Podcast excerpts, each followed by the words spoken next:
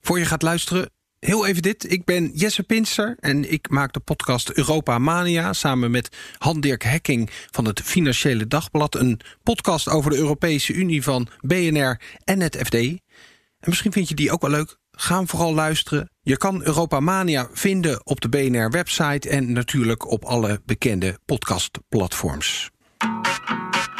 Dit is De Beste Stuurlui, de opiniepodcast van BNR. Voor wie dringend op zoek is naar een mening, hardop tegen programma's wil praten of alle kanten van de zaak wil horen. De beste stuurlui van deze week. Geert Daling. Wat is er met de andere 58 genders gebeurd?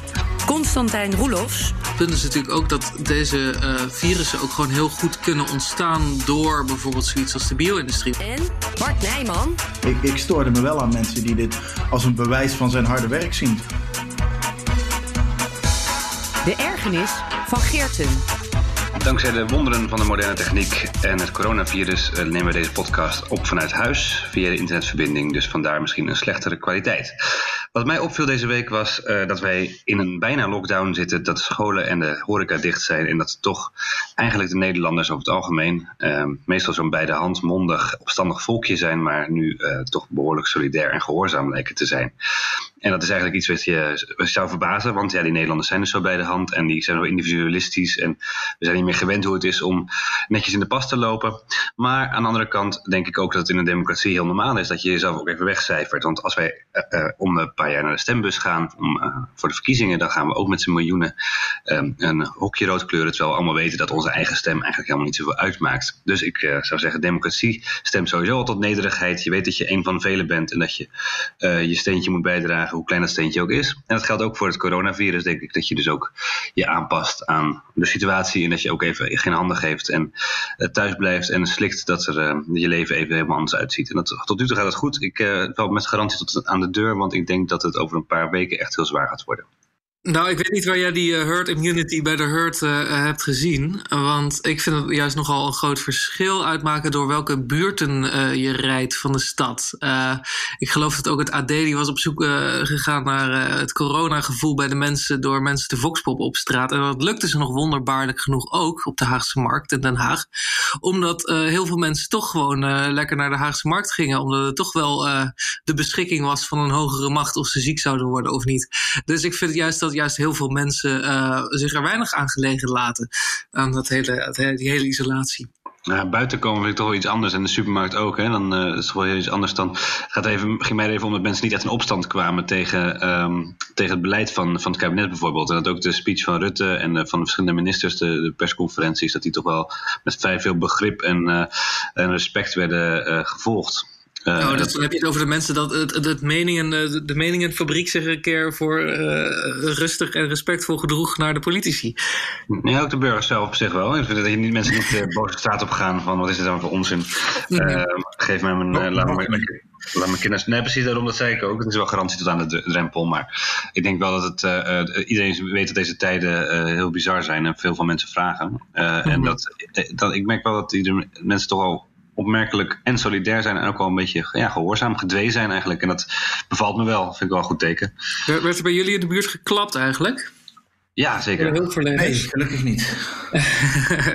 bij mijn straat wel. Vervolgens mensen gingen elkaar feliciteren en handjes geven dat ze geklapt hadden. Dus ik dacht, er moet nog een beetje aan het concept geschaafd worden, geloof ik. ja, nee, ik weet niet hoe, hoe, hoe het...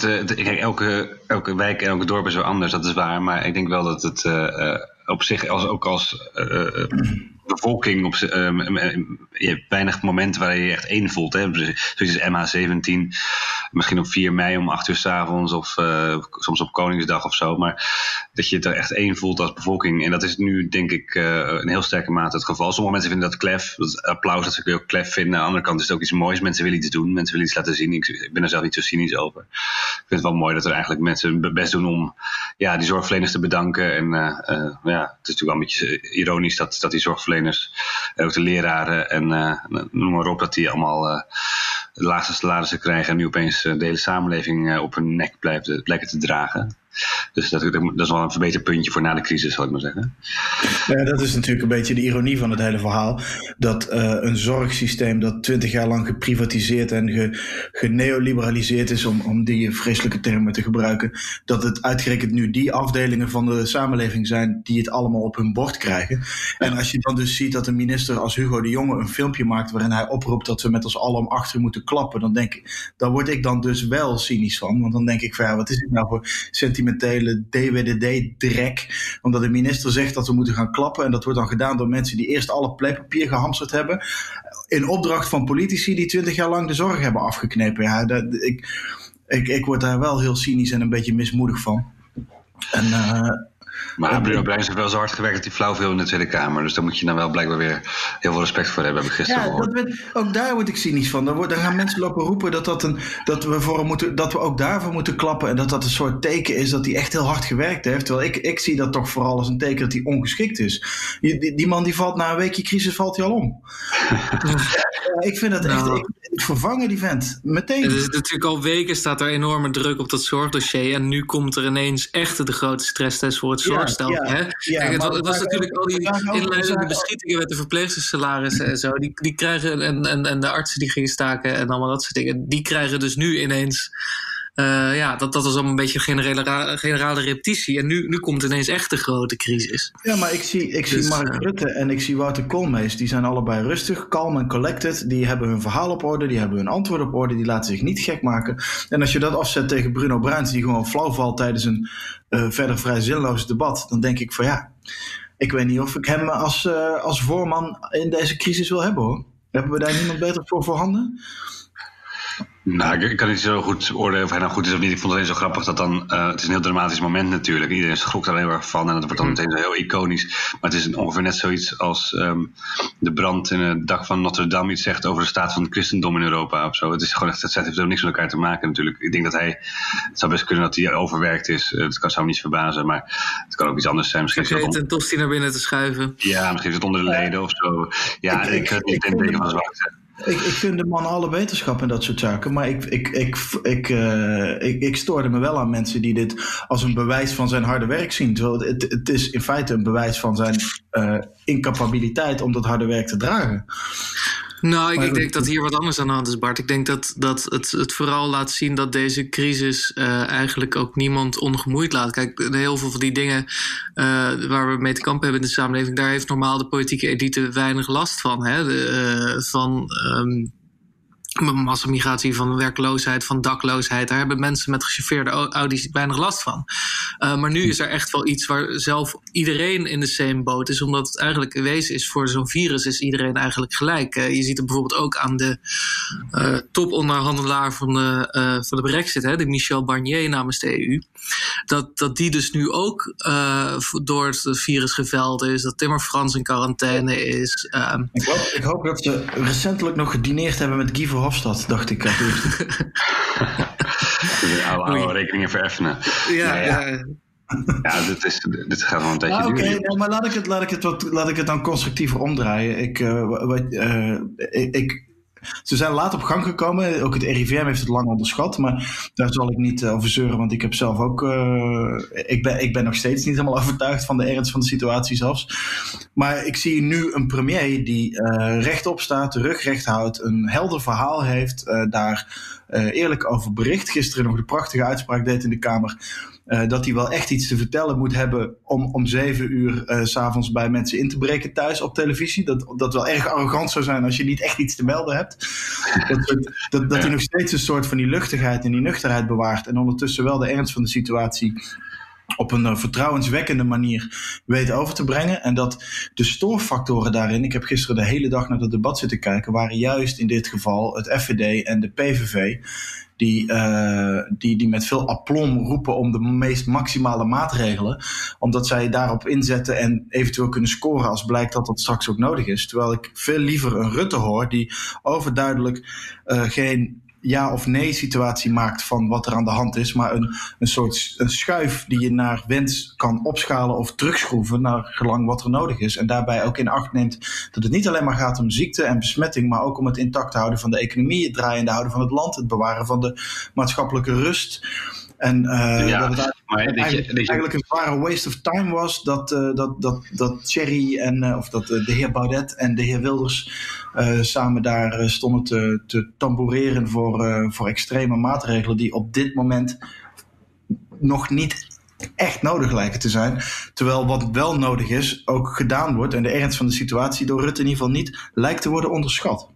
Maar um, Rutte, dat, ik snap het, Rutte doet het heel erg goed. Het is zijn finest hour als leider ook een beetje. En uh, hij doet eigenlijk wat de koning zou moeten doen ook tegelijkertijd. Um, of wat, wat hij door de koning zou, wat hij door de koning zou kunnen laten doen. Ja, die stond wel te klappen met een, met, met, met, met, een paar pannendeksels met de kinderen. Ik dacht, nog, ik dacht nog, hebben ze die pannen verkocht aan de Rijksoverheid zonder ze in te leveren? Net als dat bestek wat ze in de la Waarschijnlijk hebben ze inderdaad uh, zelf verkocht ja, en het, de winst opgestreken. Ja, nee, uh, ik denk dat de, de, maar de, wat Rutte doet is natuurlijk uh, heel knap eigenlijk en heel goed. Dat is, je zou weinig mensen, weinig betere premiers kunnen bedenken dan, dan wat Rutte nu doet. Aan de andere kant denk ik wel dat het goed is om in de Tweede Kamer een debat te voeren. je, je zet een nutteloos debat in de Tweede Kamer. En ik denk niet helemaal. Ik denk toch dat je goed, nee, dat, goed om die argumenten in ieder geval goed eh, naar voren te brengen. En andere landen hebben een heel ander beleid. Dus dan moet je toch ook als, als kabinet moet je uit kunnen leggen waarom je voor dit beleid kiest. En um, ik vond dat Wilders te ver ging met dat Russische roulette met mensenlevens en zo. Dat, dat is gewoon uh, een gewoon onder de gordel. Maar dus de discussie die door Baudet gevoerd werd, ik vond dat hij er inhoudelijk nog wel behoorlijk goede argumenten had. En dat hij helemaal niet zo hysterisch okay, uh, of populistisch deed als, als mensen verweten dat hij deed. Uh, alleen, ik, ik, ben het niet met zijn standpunt eens. Ik ben het wel eens met Rutte, denk ik. Ik denk dat Rutte een goede uh, lijn gekozen heeft. Oké, okay, laat me even nuanceren dan hoe ik dat bij Thierry zag. Ik ben het met je eens dat Wilders dat Russische roulette en dat net doen alsof het een spel is wat Rutte met mensenleven speelt. Alsof Rutte echt dacht van zo, nou, we gaan vandaag eens een potje pokeren met patiënten. Dat was inderdaad onder de gordel. Maar ik vond, waar ik me bij Thierry aan stoorde, was dat hij uh, zijn standpunt was: mensenlevens redden is uh, goed en uh, herd immunity is slecht. Alsof dat zwart-wit afwegingen zijn, alsof Rutte niet ook erop inzet om mensenlevens te redden. Terwijl Rutte heel duidelijk aangaf dat hij een soort uh, risicoweging. Thierry maakte het zwart-wit aan-uit als een lichtknop. En het is een schuifknop. En in die schuifknop zitten risicoafwegingen die diverse factoren hebben over economisch welzijn, over maatschappelijk welzijn, over de zorg dragen voor ouderen, over een, een zekere controle over besmetting. Omdat we ook weten dat de meeste mensen die die het coronavirus oplopen daar weinig tot geen last van hebben en zeer zeker van zullen herstellen. En dan uh, de, de, manier waarop Thierry uh, propageerde dat zijn aanpak eigenlijk beter was, had niet zoveel te maken met het kritisch controleren van de huidige aanpak, maar meer met zijn kenmerkende ongeduld om uh, te willen dat er naar hem geluisterd wordt. De ergernis van Bart. Uh, nou, waar, ik me toch een beetje aan stoor of, meer zorgen over maak, is uh, waar we het net eerder ook al over hadden, over dat klappen en over, dat, over de sentimenten die er loskomen.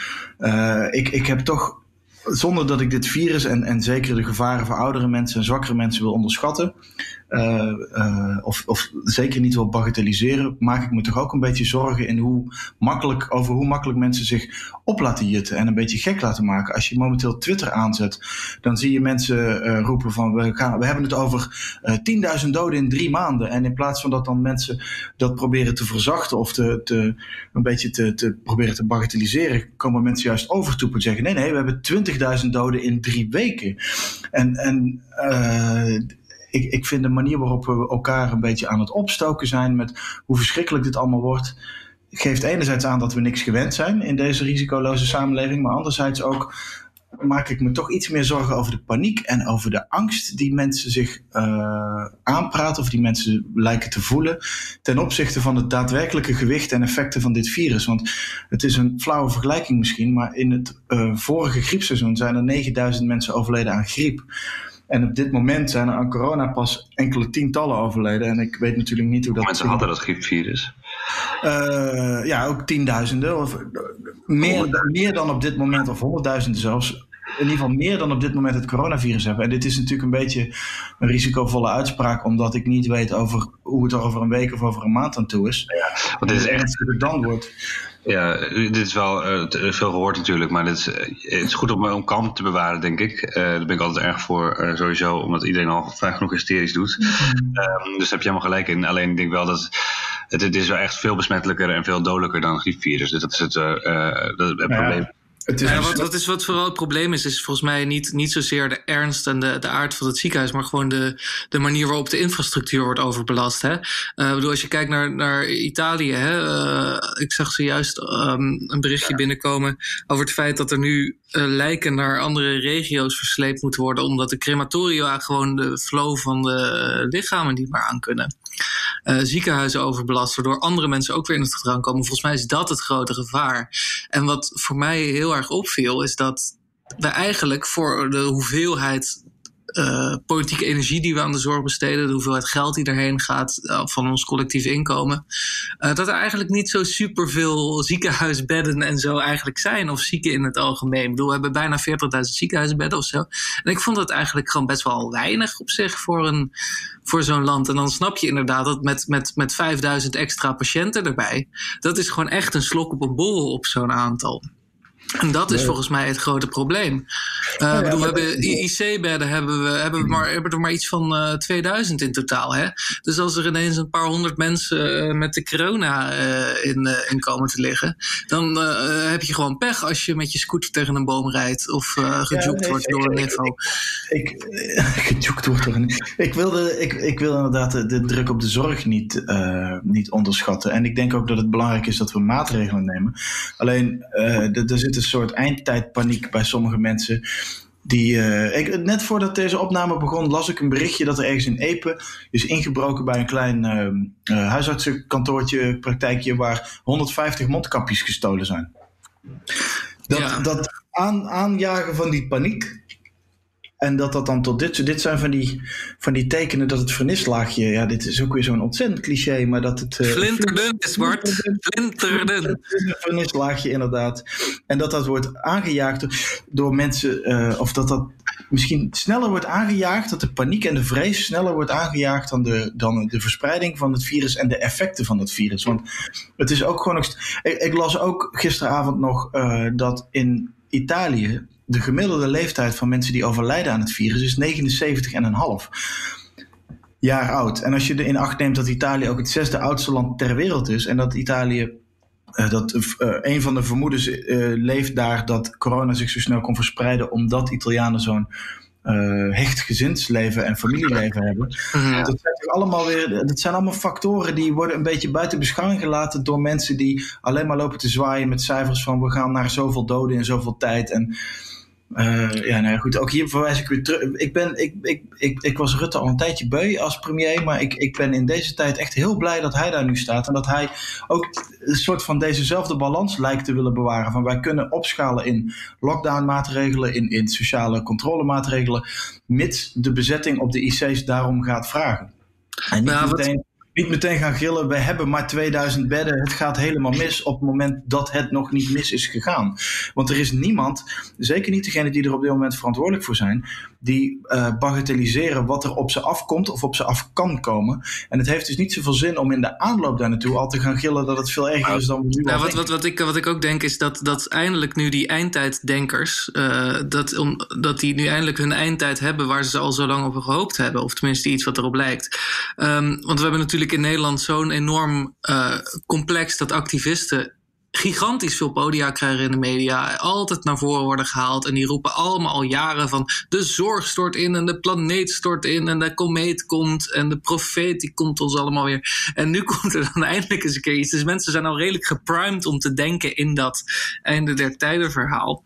En nu, uh, nu komt er dan eens een keer iets voorbij wat, wat daar een beetje op lijkt. En dan, dan slaan meteen al die systeempjes aan. Uh, en van, oh, ja. Rutger Bregman had gelijk. En uh, oh, de, de ja, mensen die, die, die, die zeggen dat al zijn bejaarden gaan sterven in de straat door de roverheid die niet genoeg voor ze zorgt. Weet je, de 50-plus propaganda. Andersom, die wordt nu eindelijk ook ineens waarheid. Andersom, ja, andersom als ik nog een mooi pluspunt mag noemen, dan zie je dus nu wel dat al die identiteitspolitiek en dat het SJW-geneuzel, dat is echt volledig naar uh, achter in de bus uh, verdreven. ja, daar heeft, totaal, ja. Daar heeft niemand nog tijd voor en niemand nog zin in. En dat, dat vind ik vooralsnog de allerfijnste bijkomstigheid van dit virus. Oh, heerlijk niet met Saida Noorhuizen of naar Sylvana Simon. Ik ga over uh, WhatsApp langskomen trouwens. Iemand die zei van ja, tot nu toe zijn alle doden die aan, aan, corona zijn overleden, het zijn allemaal mannen en vrouwen. Wat is er met de andere 58 genders gebeurd?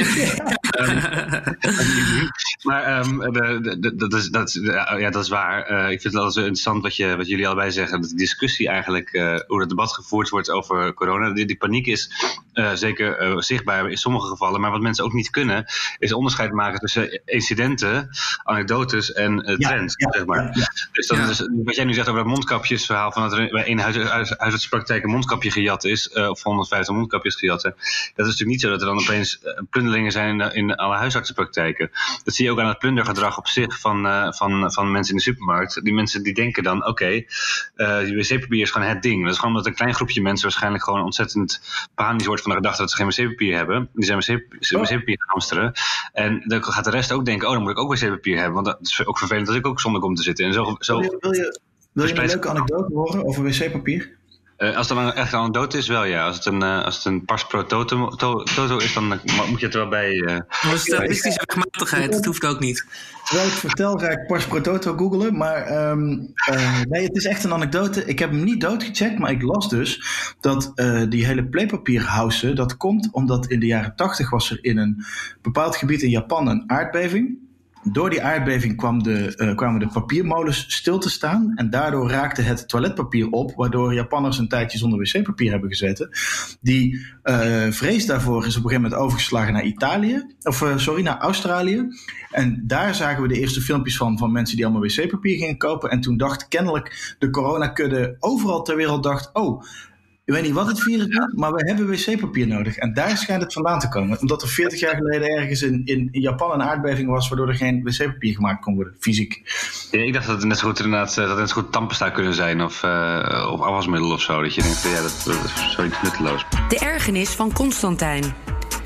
Ja, uh, mijn ergernis deze week was eigenlijk vooral een gebrek aan ergernis. En dat is ook heel erg voor iemand die zich beroepsmatig ergert. Uh, ik erger me vooral niet aan rolkoffers, doorgeblode Italianen in de tram, dronken Britten op de terrassen. Ze waren er ineens allemaal niet. En ik dacht, wat fijn, wat fijn dat de stad weer gewoon een beetje van de bewoners is. Ik ben een binnenstadbewoner en ik ben een klassieke NIMBY, een klassieke not in my backyard. Namelijk dat ik vind dat de binnenstad van mij is en niet van al die, al die toeristen die willen komen kijken naar de, de mooie oude gebouwen en al onze goede Hollandse nederwiet willen oproken. Dus ik vind het heel prettig dat de corona nu eindelijk eens wat uh, gedaan heeft aan uh, de, uh, het overtoerisme. Um, en mijn vraag is eigenlijk, mogen we dat gewoon zo houden als deze pestilentie weer voorbij is getrokken? Ja, dus je wil eigenlijk de hele toeristische sector afschaffen. Dat is wat je, wat jij leert. Dat is wat jij leert, wat je meeneemt uh, naar deze crisis. Nou, niet afschaffen, maar wel. Uh, nou, niet. Kijk, we hoeven niet, we hoeven niet meteen weer naar de Luger te grijpen. Maar uh, als er gewoon wat minder van het EasyJet-volk zou zijn, dan zou mij dat wel aangenaam toeschijnen. Ja, ik dacht... leer gegaan bij Ewald Engelen. ja, Ewald is mijn, mijn spirituele daddy vaak. Want ik ben het vaak ernstig met hem eens. En in dit geval uh, heb ik eigenlijk voor, de, voor de Elsevier deze week ongeveer hetzelfde geschreven als wat hij in de Groene Amsterdammer heeft gezegd. Namelijk dat de, de corona een uitstekende kans is om de negatieve effecten van de, de globalisering eens tegen het licht te houden. En, en je wil Weet jij dan dat mensen met, mensen met misschien meer tatoeages dan jij en, en minder geld en, en minder rijk vocabulaire, dat die dan niet uh, mogen reizen, geen stedentripjes mogen maken en jij alleen wel? Dat is een beetje jouw stelling. Uh, dat is minder, minder, geld lijkt me lastig, maar op zich, nee ja, ik, ik vind eigenlijk dat, dat het hele laagwaardige toerisme en de, de, ehm, de druk die dat, die dat op de, de, de leefwereld en de, de grote ecologie van, van de natuur en de kleine ecologie van de leefbaarheid van de stad uh, legt, de druk die daarop gelegd wordt, die, ja, die, die mag voor mij best wel wat minder. En, en als uh, uh, het plebs daarom minder mag reizen, that's a sacrifice I'm, uh, I'm willing to make. om maar even met die Lord Farquhar oh, te spreken. Dat is, een, offer dat jij, een, een, offer dat jij wil brengen om andere mensen thuis te houden. Ja, nee, dat is echt heel, heel nobel van je, inderdaad. Ja, ja ik vind het wel, ik wil hier wel even in bredere zin op aanhaken dat het wel. Uh, dit, dit, is een, dit is van een prachtig opportunisme wat ik op meerdere plekken zie. En dan moet ik vooral denken aan die foto's van dat uh, plotselinge heldere water in Venetië. Ja, geweldig. Uh, ik zag iemand twitteren dat het een soort wedergeboorte van de aarde was. En ik dacht alleen van, ja, ben, je, ben je helemaal gek geworden? Tenzij die corona echt een miljard mensen veld, doodmaakt, wat het niet gaat doen dan uh, is het een kwestie van tijd. En dan trekt gewoon alles weer aan en weer bij. En dan gaan we gewoon weer verder waar we gebleven waren. De mens is en zal een springkanenplaag blijven. En of dat nou is in de vorm van CO2-uitstoot, de zware industrie. of met rolkoffers en dikke Britse bierbuiken die door Amsterdam trekken. Uh, don't get your hopes up, buddy. Want het gaat gewoon weer terug naar waar we vandaan kwamen. En uh, ik wil daar graag ook wel aan toevoegen dat ik ook iedere Britse debiel gun dat hij stameldronken door, de, in de grachten mag pleuren ergens achter de wallen. Uh, ik heb daar verder niet zoveel last van. Ik, ik vind het uh, niet, het zijn niet mijn favoriete mensen, maar ik gun uh, iedereen evenveel plezier als ik mezelf zou gunnen. En ook ik wil wel eens uh, starnakel dronken in een gracht lazeren. ik heb het allemaal wel eens gedaan, Bart. Ik bedoel, prima, maar... dat wil ik bij zijn, Bart. Maar nee, nee, ik denk dat het ook... Um, het is inderdaad behoorlijk naïef om te denken dat nu na die crisis inderdaad... de, het, is, het is wel interessant hoor, dat er eventjes tijdelijk geen vervuiling of minder vervuiling is. En misschien zien we wel een piekje in de, of een dipje in de klimaatverandering. Uh, lijkt me ook heel interessant. Uh, of niet, daar kunnen we ook conclusies aan verbinden. Maar het is wel een. Uh, het, het, het, wat, wat Ewald Engelen zegt, is voor mij dat het, dat, dat, dat neoliberalisme, hè, dat, dat, dat kapitalisme en zo, dat dat allemaal leidt tot, tot verderfelijke toestanden. Net zoals jij eigenlijk ook zegt, Constantijn. Dat is, en dat, en, en dat, dat je dus die globalisering uh, door de coronavirus even met de neus op de feiten wordt gedrukt of zo. Ja, dat is natuurlijk wel zo. Het, kijk, het punt is Geert en ook vooral dat, dat natuurlijk een, een groot deel van de verspreiding van het virus komt door uh, die connected global world. En het punt is natuurlijk ook dat deze uh, virussen ook gewoon heel goed kunnen ontstaan door bijvoorbeeld zoiets als de bio-industrie. Ik bedoel, het is zoiets als een varkenspest of een SARS of zo. Dat, dat kwam ja. natuurlijk allemaal via, via veel te intensieve houden, via het veel te intensief houden van, van veel te veel uh, consumptievlees. Um, en het is nu eigenlijk een gelukkig dat het nu een, een, een vleermuis is en niet, niet een bio-industriedier. Want dan zouden we natuurlijk echt wel over dit soort dingen na kunnen denken. Nu maar, is het maar een vleermuis. Maar, maar mag dan eventjes aan toevoegen, kijk, iedereen legt er zijn in. Hè? Kijk, Rutger, Rutger Brechtman die riep al meteen, zie je wat we basisinkomen moeten invoeren. Uh, mm. Want dat wilde hij namelijk altijd al. Dus hij vindt corona de bevestiging van zijn punt. Nou, dan roep ik bij deze, zie je wel dat we geboortebeperkingen moeten doorvoeren. Want we zijn gewoon met te veel mensen op de aarde. We zijn gewoon te vervuilend. We zijn te dicht op elkaar. Uh, we zitten te dicht op elkaars lip. En dan staan er gewoon virussen. Dat gaat automatisch. In elke populatie zo. En we mogen blij zijn dat we eigenlijk zo weinig hebben gehad. Sinds de Spaanse griep hebben we eigenlijk ja, geen echt uh, geweldig dood, dodelijk uh, virus meer gekend, geloof ik, afgelopen eeuw. Ja wel, wel vervelende virussen die ook wel behoorlijke schade hebben aangericht. Maar dit is, dit is nu eigenlijk een van de. Ja, dit is wel voor het eerst weer een hele lange tijd dat we hiermee geconfronteerd worden. En dan valt het inderdaad, zou je kunnen zeggen, nog mee met de schade. Maar um, uh, als je kijkt naar, het, uh, naar de dodelijkheid of uh, de manier hoe dit zeg maar, ons leven ontwricht. Um, ik denk dat het op dit moment al, al, al heftig genoeg is. Ja, ja maar dit is natuurlijk een historisch perspectief uh, daar, houden wij natuurlijk van, Geerten. Um, dat, dat, dat natuurlijk naar elke globaliseringsgolf volgt er weer zo'n epidemiegolf. Omdat er gewoon weer allerlei nieuwe manieren van samenleven en manieren van transport zijn. En nieuwe manieren van exploitatie. En daarna volgt altijd onvermijdelijk een correctie naar, uh, naar, naar betere practice. Ik bedoel, naar de grote uh, globaliseringsgolf van de industriële revolutie waren alle steden overvol met arbeiders. Dan kreeg je allemaal cholera, tyfus, dat soort rotzooi. En daarna volgt een correctie door die steden enorm te saniteren. Door riolen aan te leggen, door uh, uh, handen wassen in te voeren, hygiëneregels te versterken. Correctie, dan denk je, wat, wat, waar, tot wat voor correctie gaat corona leiden? Nou, ik denk dat de, dat de correctie wel gaat, gaat uh, zijn in, in sowieso weer een vooruitgang in de medische techniek. Dat is natuurlijk altijd zo. Uh, maar ook dus inderdaad in een, in een wat minder enthousiast uh, patroon van altijd maar bij elkaar ophokken en heen en weer vliegen en zo. En, Mensen zullen toch willen reizen. Al die Chinezen die, die nu langzaam welvarend beginnen te worden, die komen allemaal naar Europa voor een, voor een geweldige reis van hun leven. En ehm, dat, dat, die gaan daar niet mee ophouden, vrees ik hoor. Uh, de reislustigheid neemt alleen maar toe, toch? Of zie ik dat dan verkeerd? Of ja, dat denk ik wel. Dat denk ik wel. gaan, gaan beperken en moeten dan de, de vliegtickets uh, twee, drie keer zo duur worden of zo? Wat, wat, wat is dan nou, in ieder geval niet minder gesubsidieerd. Zoals nu met al die, al die uh, belastingregels en, en de enorme carte blanche die Schiphol krijgt om te expanderen. Nu ook nog Lelystad erbij. Uh, ik, ik denk dat daar best wel gewoon. En, en, en al die national carriers die met heel veel overheidsgeld in de lucht gehouden worden. Omdat het ook een soort prestige speeltje is voor veel overheden. Ja, het openbaar vervoer gewoon. Mensen hebben het gewoon nodig om zich te verplaatsen. Er zijn veel mensen die in het buitenland werken, die familie hebben in het buitenland. Uh, en ja, willen ook wel eens een keer een reisje maken voor de lol. Maar je, je, moet ook gewoon voor je werk moet je gaan veel reizen.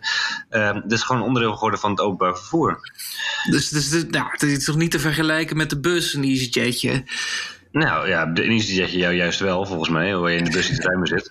Maar, um, maar het, ja, het is toch gewoon een manier van A naar B te komen. Uh, wat ik nou verkeerd? Ik vind het juist raar dat we niet uh, een strippenkaart hebben voor, uh, of een chipkaart, over chipkaart voor de vliegtuigen. Dat lijkt me veel handiger. ja. Nou, misschien gaan we daar ook wel naartoe. Maar dan met meer mondkapjes. Ik, uh, Ewald Engelen die, uh, die, die suggereerde in een van zijn tweets waarin die KLM een faillissement toewenste, uh, dat, dat, dat vliegverkeer een soort fossiel ding was. En, maar ik dacht alleen van ja, het is allemaal leuk dat je dat vindt en het is misschien ook wel waar. En voor mij mag er ook morgen een, een schonere en milieuvriendelijkere en, en klimaatvriendelijke oplossing zijn. Maar vertel mij maar eens hoe we op dit moment sneller, beter, makkelijker van A naar B kunnen komen, om, om ongeacht de reden die, zoals Geertens net opzomt, of het nou voor werk is of voor familie of gewoon voor vakantie. Uh, hartstikke leuk dat we alternatieven willen zoeken in deze tijden voor, uh, voor vervuiling of tegen vervuiling en tegen fossiele verstoking en dat soort dingen. Maar het is niet zo dat dat coronavirus dat nu ineens versnelt. Het is nu zo dat het coronavirus ervoor zorgt dat maatschappijen als KLM om gaan vallen met 30.000 werklozen tot gevolg. En daar wordt echt helemaal niemand beter van. Het enige wat je dan bereikt is inderdaad dat Constantijns, uh, door Constantijn zo gehate uh, rolkoffertokkies uh, niet meer door zijn straatje trekken omdat ze simpelweg het geld niet meer hebben. Maar op de langere termijn heeft hij natuurlijk helemaal niemand iets aan. Nee, kan hij zelf ook niet meer op het terras uh, lekker laten we, laten, we, het zoeken naar oplossingen voor, voor bepaalde klimaatuitdagingen. Vooral niet uh, opportunistisch koppelen aan de, de valse suggestie dat het coronavirus dit zou versnellen. Het gaat gewoon nog jaren, zo niet tientallen jaren duren voordat we vliegtuigen bouwen die, die, die op lucht kunnen vliegen door de lucht. Of op zonne-energie of, of, of op een grammetje toren weet ik veel wat erin moet tegen die tijd. Maar, nee, uh, in de speelgoed VPRO-gidswereld zijn pandemieën nou eenmaal gewoon gelijk aan klimaatverandering, omdat het allemaal negatieve uitvloeiselen zijn van het kapitalisme. Dit was weer een aflevering van De Beste Stuurlui. Een opiniepodcast van BNR. Alle afleveringen zijn terug te luisteren op bnr.nl/slash podcasts, iTunes en Spotify. En hou je roer recht.